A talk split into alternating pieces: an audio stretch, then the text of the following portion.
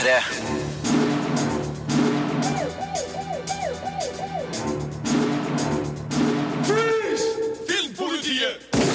Snart helg. Det er endelig fredag, og klokka har bikka 11. Noe som betyr at det er duket for to timer stappfulle av deilig filmpreik her på P3. Jeg heter Marte Hedenstad og styrer Filmpolitiskuta i dag. Og jeg har masse gode filmanbefalinger på plakaten. Eh, Nå om sommeren ligger det nemlig mye bra film i NRKs nett-TV. Og jeg har plukket frem noen du absolutt bør se. Men du skal selvfølgelig også få anmeldelser av ukas kinopremierer. Dawn of the Planet of the Apes, Begin Again, Forelsket i New York. The Trip to Italy og The Purge Anarchy får alle sin dom i løpet av dagens sending. Filmpolitiet anmelder film.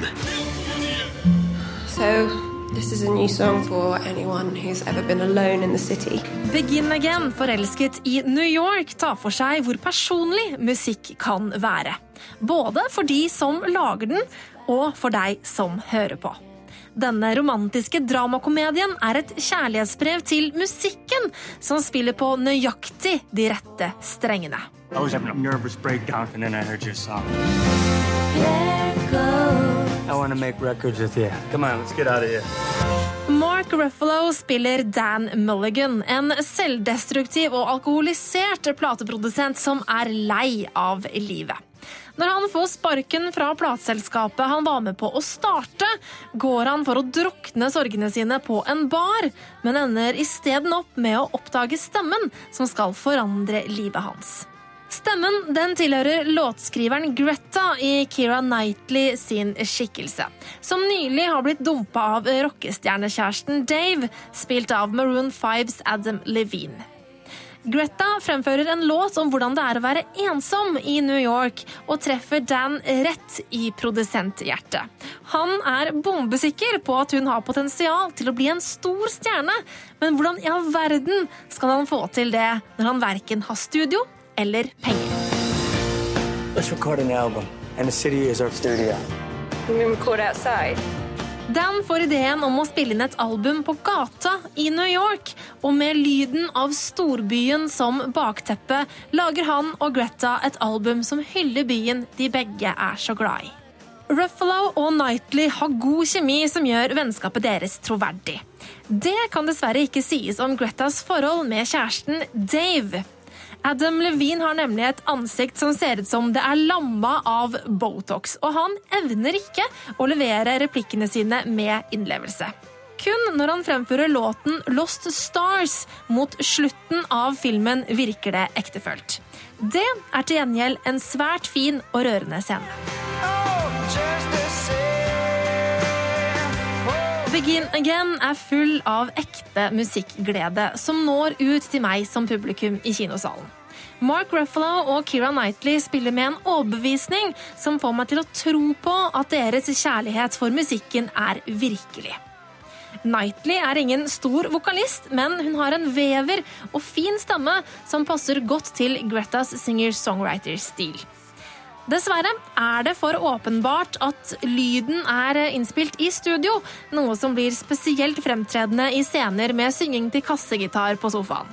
Utenom dette er lydsporet, som for det meste er skrevet av Greg Alexander, svært godt.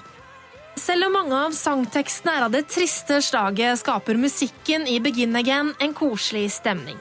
Og sammen med historien om vennskap og hvordan musikk kan hjelpe deg å overkomme livets store bølgedaler, blir dette en hjertevarmende, bittersøt film. Av og til så kommer det en film som har noe ekstra ved seg, som du blir glad i, og som gjør at du kan se den igjen og igjen med jevne mellomrom. Og Begin Again, Forelsket i New York, er en slik film.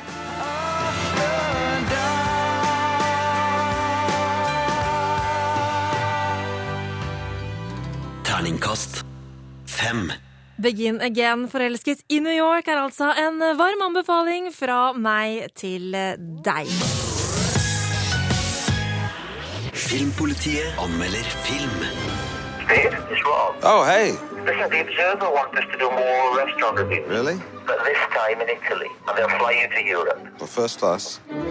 I 2010 ble vi med Steve Coogan og Rob Bryden på en kulinarisk reise i Nord-England i filmen skråstrek TV-serien The Trip. Nå er de to humorkollegene gjenforent, og denne gangen tar vi turen til Italia. This is the ideal place for a romantic evening. You know I'm not a homosexual, don't you? If romance should occur, we'll deal with it as it happens. I The Trip to Italy spiller den dynamiske duoen igjen fiktive versjoner av seg sjøl. Og rundreisen, der de skal anmelde seks forskjellige restauranter, handler mer om deres vennskap og personlige utvikling enn om selve maten. Resultatet er en morsom film med vakre bilder av Italias fristelser og landskap. Med i overkant mye parodiering av Al Pacino og Robert De Niro. Pacino sits there and he says, You know, for me, coffee is a way of life. A Pacino script will always have coffee marks on it. That's how you know it's a Pacino script. I likhet med The Trip er oppfølgeren egentlig en miniserie på seks episoder klippet sammen til én film. I TV-serien besøker Bryden og Coogan én restaurant i hver episode, men besøkene er nødvendigvis kappa ned ganske mye på veien til kinolerretet. Humoristenes småkjekling og vennskapelige krangling har fått størstedelen av plassen foran selve matopplevelsene. Og om det er det kulinariske aspektet du er mest interessert i, kan du med fordel ta en titt på TV-serien fremfor filmen. Small man in the box. This is a real man who died. I wonder if anyone cried for him. I can see the volcano erupting and I am petrified. People say, oh, she only slept with you because you're famous. I say, well, you only slept with you Du må elske humoren Bryden og Coogan er kjent for hvis du skal like The Trip to Italy. Filmen består nemlig for det meste av samtaler mellom de to komikerne, der de harselerer med alt fra seg sjøl til romantiske poeter og kjente skuespillere. Regissør Michael Winterbottom har nok en gang gitt gutta fritt spillerom, og den improviserte praten er stappfull av referanser fra populærkultur og høykultur. Samtidig som de to humoristene benytter enhver anledning til å vise frem sine evner til å parodiere kjente skuespillere. Michael Caine, Robert De Niro, Al Pacino og Hugh Grant er blant dem som blir skamløst utnytta, og det er hysterisk morsomt en god stund. Men det blir for mye i lengden, og etter hvert gjesper jeg istedenfor å le. I don't want to bury you, Batman. I will not put you in the ground in a little box. I will not do it, Master Bruce. I will not do it. I'm not going to bury another Batman. Coogan og Bryden er virkelig to tullinger på tur. Men innimellom all tullpratet ser vi også et glimt av menneskene bak komikerfasaden. Og mot slutten av filmen blir det også tid til ettertanke. Det er ingen tvil om at A Trip to Italy helst bør sees som TV-serie. Det er da Steve Coogan og Rob Bryden sin humor virkelig får komme til sin rett. Parodieringen og småkranglingen vil bli artigere når den porsjoneres ut over flere episoder. På film fungerer det helt greit.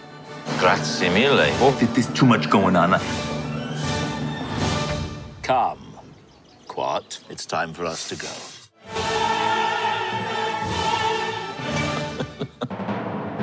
Terningkast fire. Ja, det ble kanskje litt for mye av det gode på parodieringsfronten i The Trip to Italy. Men er du fan, er, fan, er du fan av Rob Bryden og Steve Coogan, så bør du absolutt se denne filmen, eller da eventuelt eh, TV-serien. Filmpolitiet på P3. Det ligger mye bra film i NRKs nett-TV om dagen. En hel haug med gode filmer er lagt ut for eh, at du skal få en fin filmsommer. Og en av filmene du kan se, det er månenazi-sci-fi-komedien Iron Sky. Og om tre og et halvt minutt så skal du få et gjenhør med Torfinn Borchhus sin anmeldelse av filmen. Filmpolitiet anmelder film. Only moments ago, New York has come under attack. Witnesses claim to have seen hundreds of UFOs. It's opening fire! Oh my God! En nokså obskur konspirasjonsteori handler om at nazistene flykta til månen i 1945. Slik blir det heldigvis filmt òg, takka være den finske regissøren Timo Vorensola og en brotte med folk fra alle verdenshjørner som alle har bidratt med sitt gjennom internett. Denne enorme gjengen av bidragsytere kan ikke bare ha holdt på med spesialeffekter. De har nok òg kosa seg glugg i hæl med alle nazivitsene som er i omløp. For Iron Sky inneholder alt du kan forestille deg av herlig tredje rike-humor. Slik som Allo Allo, hvis du husker den serien. Og hvis du skulle lure, Holocaust holder de seg klokelig unna. Who are these guys anyway? Nazis from the moon. Iron Sky forteller historien om en gjeng dieselpunk-nazister i en koloni på baksida av månen. De har månetilpassa sine uniformer, folkevogner og motorsykler med sidevogn, og forberedt seg på en dag vende tilbake til jorda. Og i 2018, året filmen foregår i, er tida kommet. Tilfeldighetene vil òg ha det til at en svart og en hvit astronaut lander på månen nettopp i disse tider. Et PR-stunt fra den sittende presidenten i USA. Dette er bare begynnelsen på ei sci-fi-komedie som vil være nettopp det. En dritglad fest av en film for science fiction-fans. Iron Sky gir nesten begrepet romkom, altså romantisk komedie, ny betydning. Romfartskomedie. Filmen er et eneste stort glimt i øyet og spiller ut alle tenkelige situasjoner nazister kan havne i, og omgir det med massive spesialeffekter. Selve historia tar med fra månen til jorda og tilbake, og her og der er enkelte hol i selve fortellinga. Det skyldes nok den ekstreme entusiasmen filmen har for de komiske situasjonene.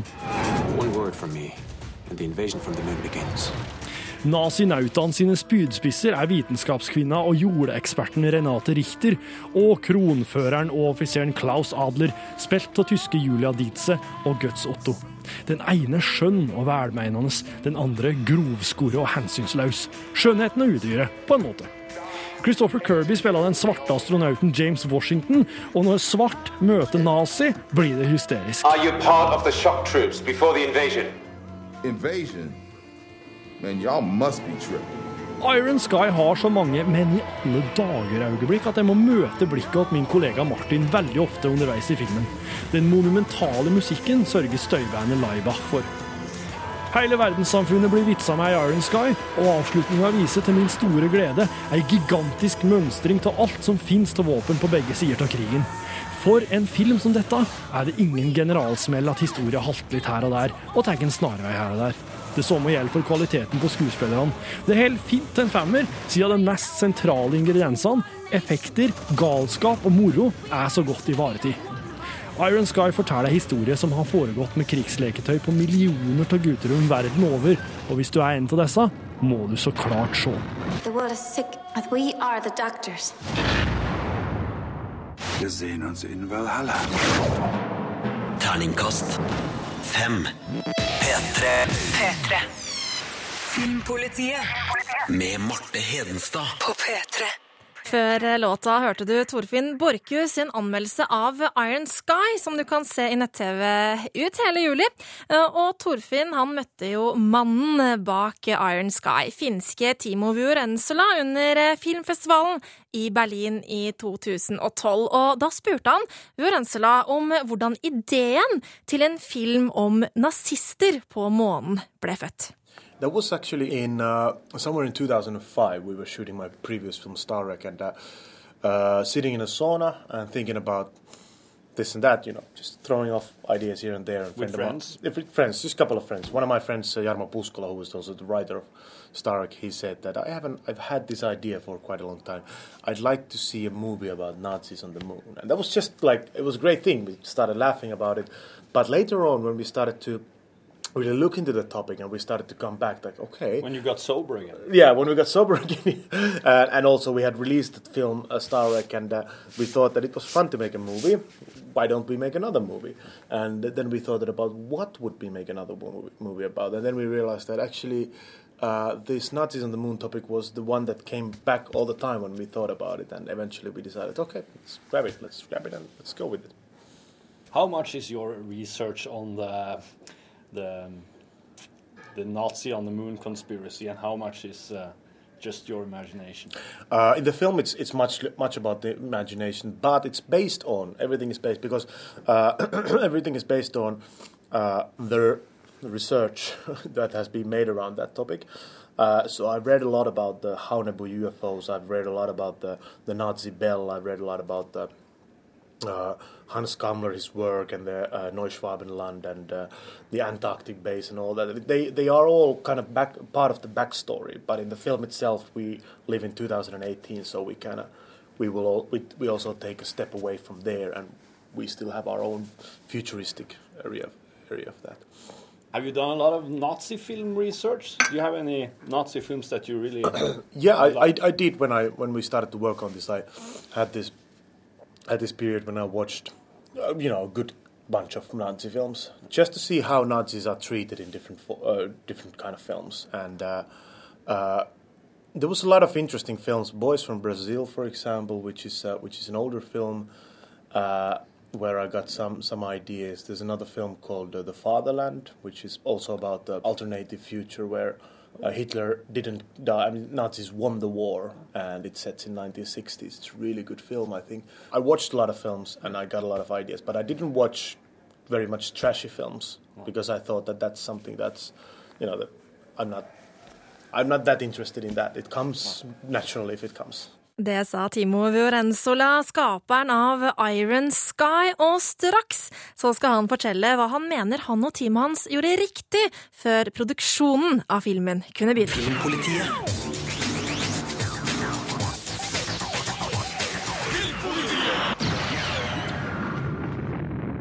Som en del av NRKs filmsommer ligger science fiction-komedien Iron Sky tilgjengelig i NRKs nett-TV ut juli.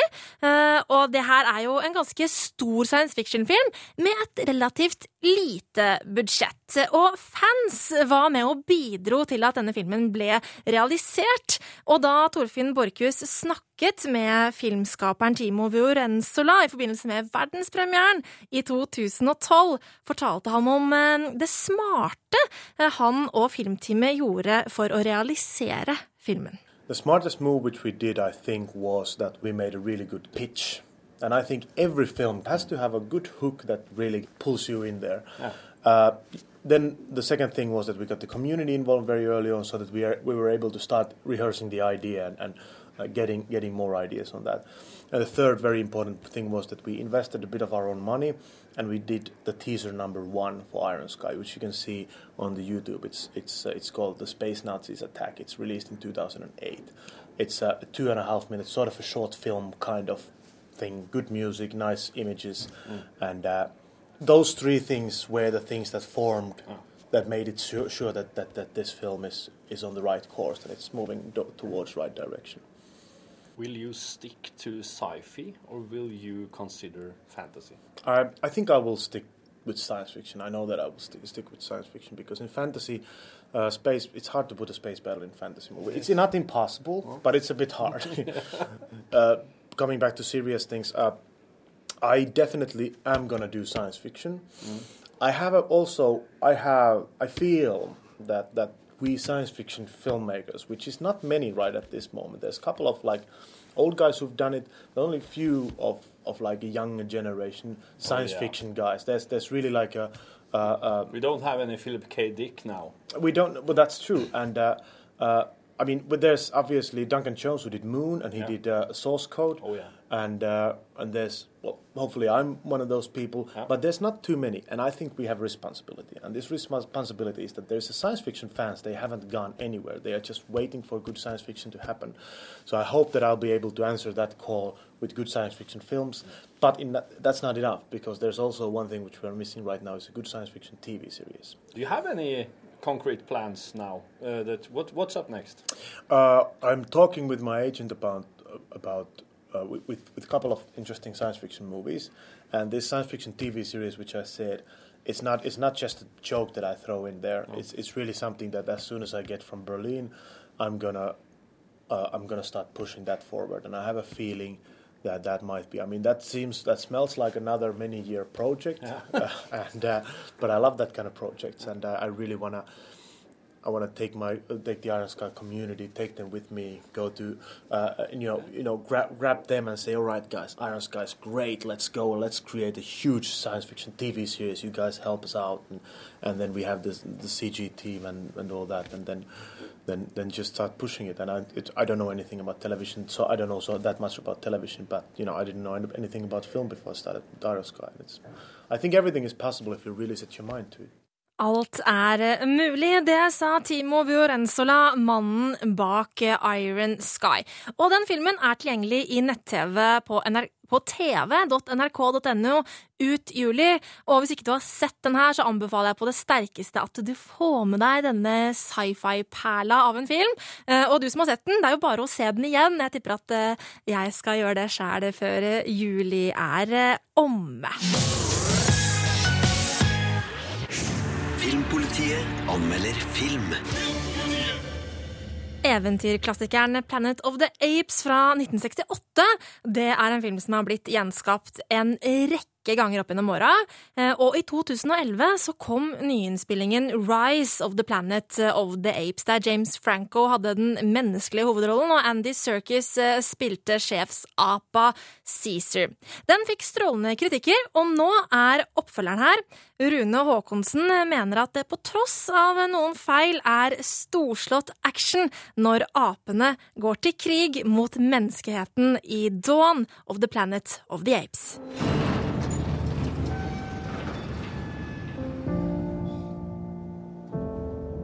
Apes do not want war. Menneskehetens siste overlevende bor i de majestetiske ruinene av gamle storbyer. En ubarmhjertig epidemi har utslettet nær sagt alle. Kun de med genetisk immunitet har fått en ny sjanse til å gjenreise verdenen slik vi kjenner den. Men menneskene er ikke alene. I skogene utenfor San Francisco har en gruppe intelligente aper bygd opp sitt eget stammesamfunn. Don't you move! Should we shoot him? Maybe. Oh. Hey, hey, hey. oh, you want a drink? oh, okay. All right. Cæsar, spilt av Andy Serkis, var hovedpersonen i første film Rise of the Planet of the Apes. Han har nå tatt lederrollen. Mange år er gått siden Will Rodman oppdro den lille sjimpansen som sin egen sønn. Apene har blitt smartere, mens menneskene i Dawn of the Planet of the Apes ser ut til å ha blitt dummere. Og de to gruppene, som begge lever på kanten av overlevelse, er dømt til å krysse spor før eller siden. We don't mean any harm!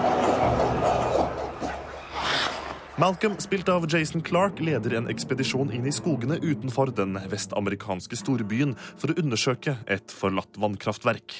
Det er bare uker til kolonien går tom for drivstoff til generatorene, og uten strøm fører veien rett til kaos og undergang. Dreyfus, spilt av Gary Oldman, leder desperat gjenværende menneskene i deres forsøk på å overleve i den urbane villmarken. Hvilke prøvelser menneskene må gå gjennom, er knapt skildret i Dawn of the Planet of the Apes. De mange overlevende som bor i San Francisco, er ikke viktige.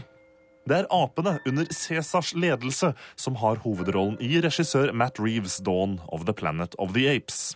Den interne maktkampen mellom primatene driver fortellingen frem i godt tempo. Fra hverdagslige situasjoner til dundrende jaktsekvenser. Det er et imponerende syn som venter. You know the scary thing about them? They don't need power. Lights, heat, nothing. That's the advantage. That's what makes them stronger. Bevegelsesopptak av skuespillere gir de animerte apene en naturlig tilstedeværelse på lerretet filmskapere har lengtet etter i en mannsalder. Fra tegnspråket og bevegelsene i tretoppene til små endringer i ansiktsuttrykk og pelsen. Dawn of the Planet of the Apes er en teknisk maktdemonstrasjon. Filmen tynges likevel av åpenbare logiske feil, som gjør at menneskene oppleves som dummere. Store deler av filmens fortelling rakner ved nærmere ettersyn. Etter årevis isolert i San Francisco, hvorfor vente til siste slutt med å sikre den livsnødvendige elektrisiteten fra vannkraftverket utenfor byen? Det er et av spørsmålene som forblir ubesvart. Om du har sett Planet of the Apes fra 1968, hvis historie finner sted et utall år etter denne nye trilogien, vet du hvordan det hele ender. Og selv med noen snublende skritt underveis er Dawn of the Planet of the Apes et storslått eventyr om å henge utenfor stupet, hvor rå styrke og kløkt fra begge parter må til for å ikke falle ned i utrydningens mørke avgrunn. War has already begun.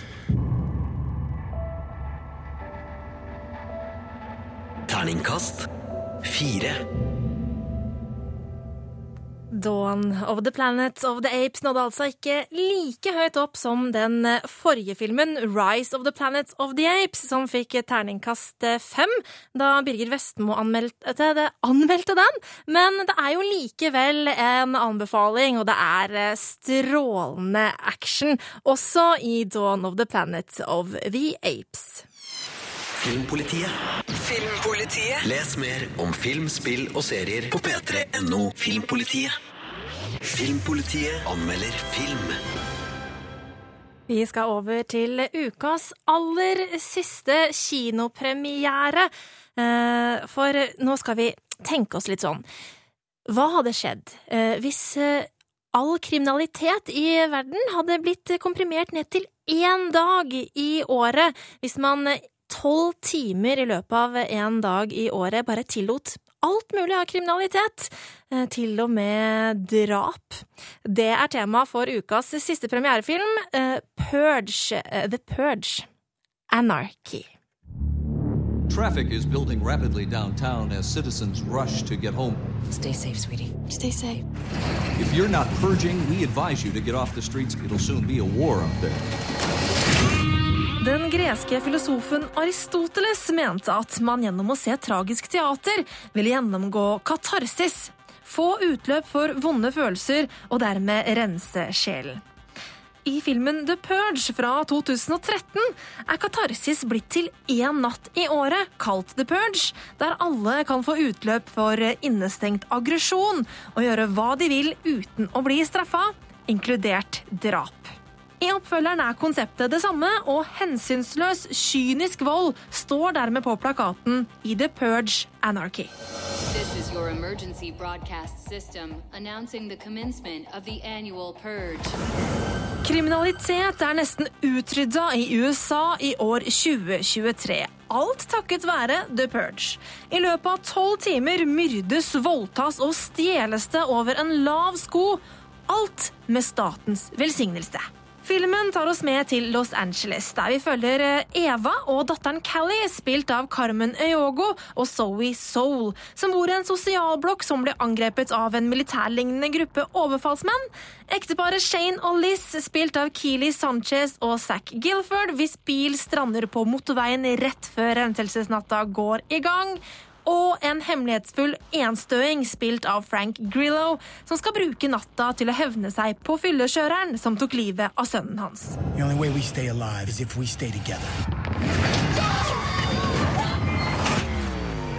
De tre trådene i historien samles relativt raskt, og den kapable hevneren i Frank Grillos skikkelse må hjelpe de andre å overleve. Dessverre er alle figurene en gjeng vandrende klisjeer, og foruten far-datter-forholdet som utvikler seg mellom Callie og vår mystiske helt, er det ingenting som engasjerer. This is the last purge of the evening. The bidding will start at 200,000. Det er ingen tvil om at The Purge Anarchy er en mordfest uten like. Denne filmen er ikke for de fintfølende. Det er flere nervepirrende actionsekvenser i filmen som fungerer, men det hele faller likevel litt sammen, siden jeg ikke bryr meg om rollefigurene dør eller ikke. Regissør og manusforfatter James de Monaco har imidlertid prøvd å gi filmen litt mer substans. Og når vi får se hvordan de rike kjøper livene til fattige mennesker som trenger penger til familien, slik at de kan drepe dem i trygge omgivelser, er det tydelig at de Monaco kritiserer dagens kapitalistiske samfunn. For det er de fattige som ikke har råd til skikkelig beskyttelse, som lider under The Purge, mens den rike makteliten overlever. Og dette er et interessant tema som dessverre ikke utnyttes godt nok. Don't stop. Don't look back. En motstandsgruppe med selveste Michael K. Williams fra The Wire i spissen har begynt å slå tilbake mot det de mener er systematisk utryddelse av de vanskeligstilte, men denne delen av historien får liten plass i filmen. Det virker som om dette spares til neste film i serien, for eh, om denne gjør det like bra som den første filmen, som på tross av dårlige anmeldelser var en økonomisk suksess, kommer det garantert enda en oppfølger. Jeg tipper at den kommer til å hete The Purge Revolution, men eh, den gidder jeg nok ikke å se.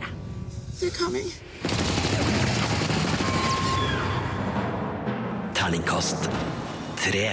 The Purge Anarchy har nok eh, sitt publikum, men det blir altså ingen eh, anbefaling fra meg. Filmpolitiet på P3. Jeg har jo til, nevnt tidligere i sendinga at det er veldig mye god film som ligger eh, i NRKs nett-TV nå om dagen. Putta inn ekstra mye bra film der nå, siden du skal få en ekstra god eh, filmsommer. Og en av filmene som er tilgjengelig der, det er eh, La den rette komme inn. Og nå skal vi få et gjenhør med Birger Vestmo sin anmeldelse. Hva glor du på? Hva er det med deg? Er du rädd?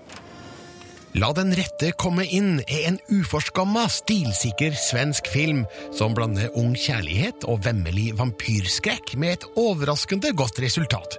Regissør Thomas Alfredsson er mest kjent for samarbeidet med komikerne i Killinggjenget, men det er ingenting morsomt med La den rette komme inn. I stedet er den øm, varm, hard og iskald på samme tid.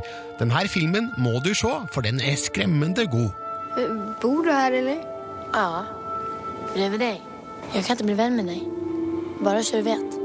Oskar, spilt av Kåre Hedebrandt, er en ensom tolv år gammel gutt i Stockholm som mobbes på skolen og sliter etter foreldrenes skilsmisse. Så flytter jevnaldrende Eli, spilt av Lina Leandersson, inn i leiligheten ved siden av, som òg er en ensom sjel, og de to finner støtte i hverandre.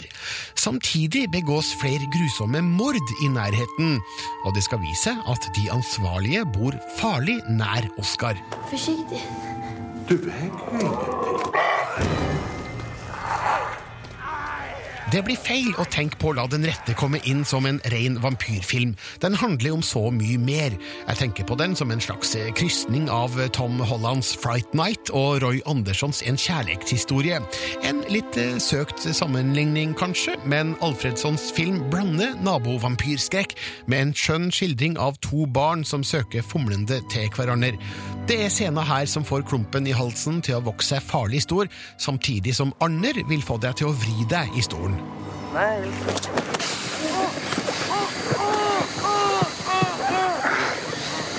Filmens setting er òg avgjørende. Den mørke nordiske midtvinteren er et effektivt bakteppe med fallende snø som legger seg som et teppe over byen og skjuler vampyrens blodige verk. Fotografen har fanga inn vakre bilder med kalde farger, der blodrødt skiller seg kraftig ut og skaper en skremmende kontrast til alt det sorte og hvite. Filmen er svært visuelt fortalt, bildene taler sitt eget språk, og det er ikke nødvendig med mye dialog for å drive historien fremover. Tykker du om meg? Ja, jättemycket. Om jeg ikke hadde vært en flicka, hadde du tykt om meg ändå? La den rette komme inn lykkes òg pga. to gode skuespillere i hovedrollene. Kåre Hedebrandt og Lina Leandersson gjør strålende roller under Alfredssons direksjon, og skaper figurer som det er mulig å tro på og føle for. Jeg tror og føler mye. En amerikansk remake er allerede under planlegging, men før den er klar, må du gjøre deg sjøl en stor tjeneste. Se den strålende svenske originalen først. Skrik da! Skrik då! Terningkast fem. En vakker vampyrfilm som du bare må se, sa Birger Vestmo om La den rette, kommer inn, La den rette komme inn i sin anmeldelse fra 2008. Og du kan jo ta Birger sin oppfordring. Se filmen på tv.nrk.no. Den ligger der frem til tirsdag, så da veit du jo da hva du har å gjøre i helga. Klokka den er nå ja, tolv minutter på ett, og det betyr at Filmpolitiet begynner å nærme seg slutten. Og da må jeg bare benytte anledninga før jeg er ferdig på lufta her nå, til å fortelle om en veldig bra artikkel som ligger ute på p3.no skråstrek filmpolitiet akkurat nå. For eh, eh, Remi Horgard har skrevet en artikkel om at Nintendo-kassetten er den nye vinylen, og at jakten på den ekte følelsen også har kommet til spillebransjen. spillbransjen. For samtidig som platebutikker selger godt med vinylplater, så har spillbutikker begynt å ta inn 20 år gamle dataspill. Hva kan vel eh, slå følelsen av å blåse i en Nintendo-kassett eh, før du setter den inn eh, i eh, spilleren? Sjekk det ut på p3.no skråstrek filmpolitiet, og si din mening om de gode, gamle spillkonsollene. Filmpolitiet med Marte Hedenstad. NRK. Og med det så er Filmpolitiets podkast ferdig. Tusen takk for at du lasta ned og hørte på. Du og jeg, vi høres igjen neste uke. Ha det bra! Hør flere podkaster på nrk.no podkast. P3.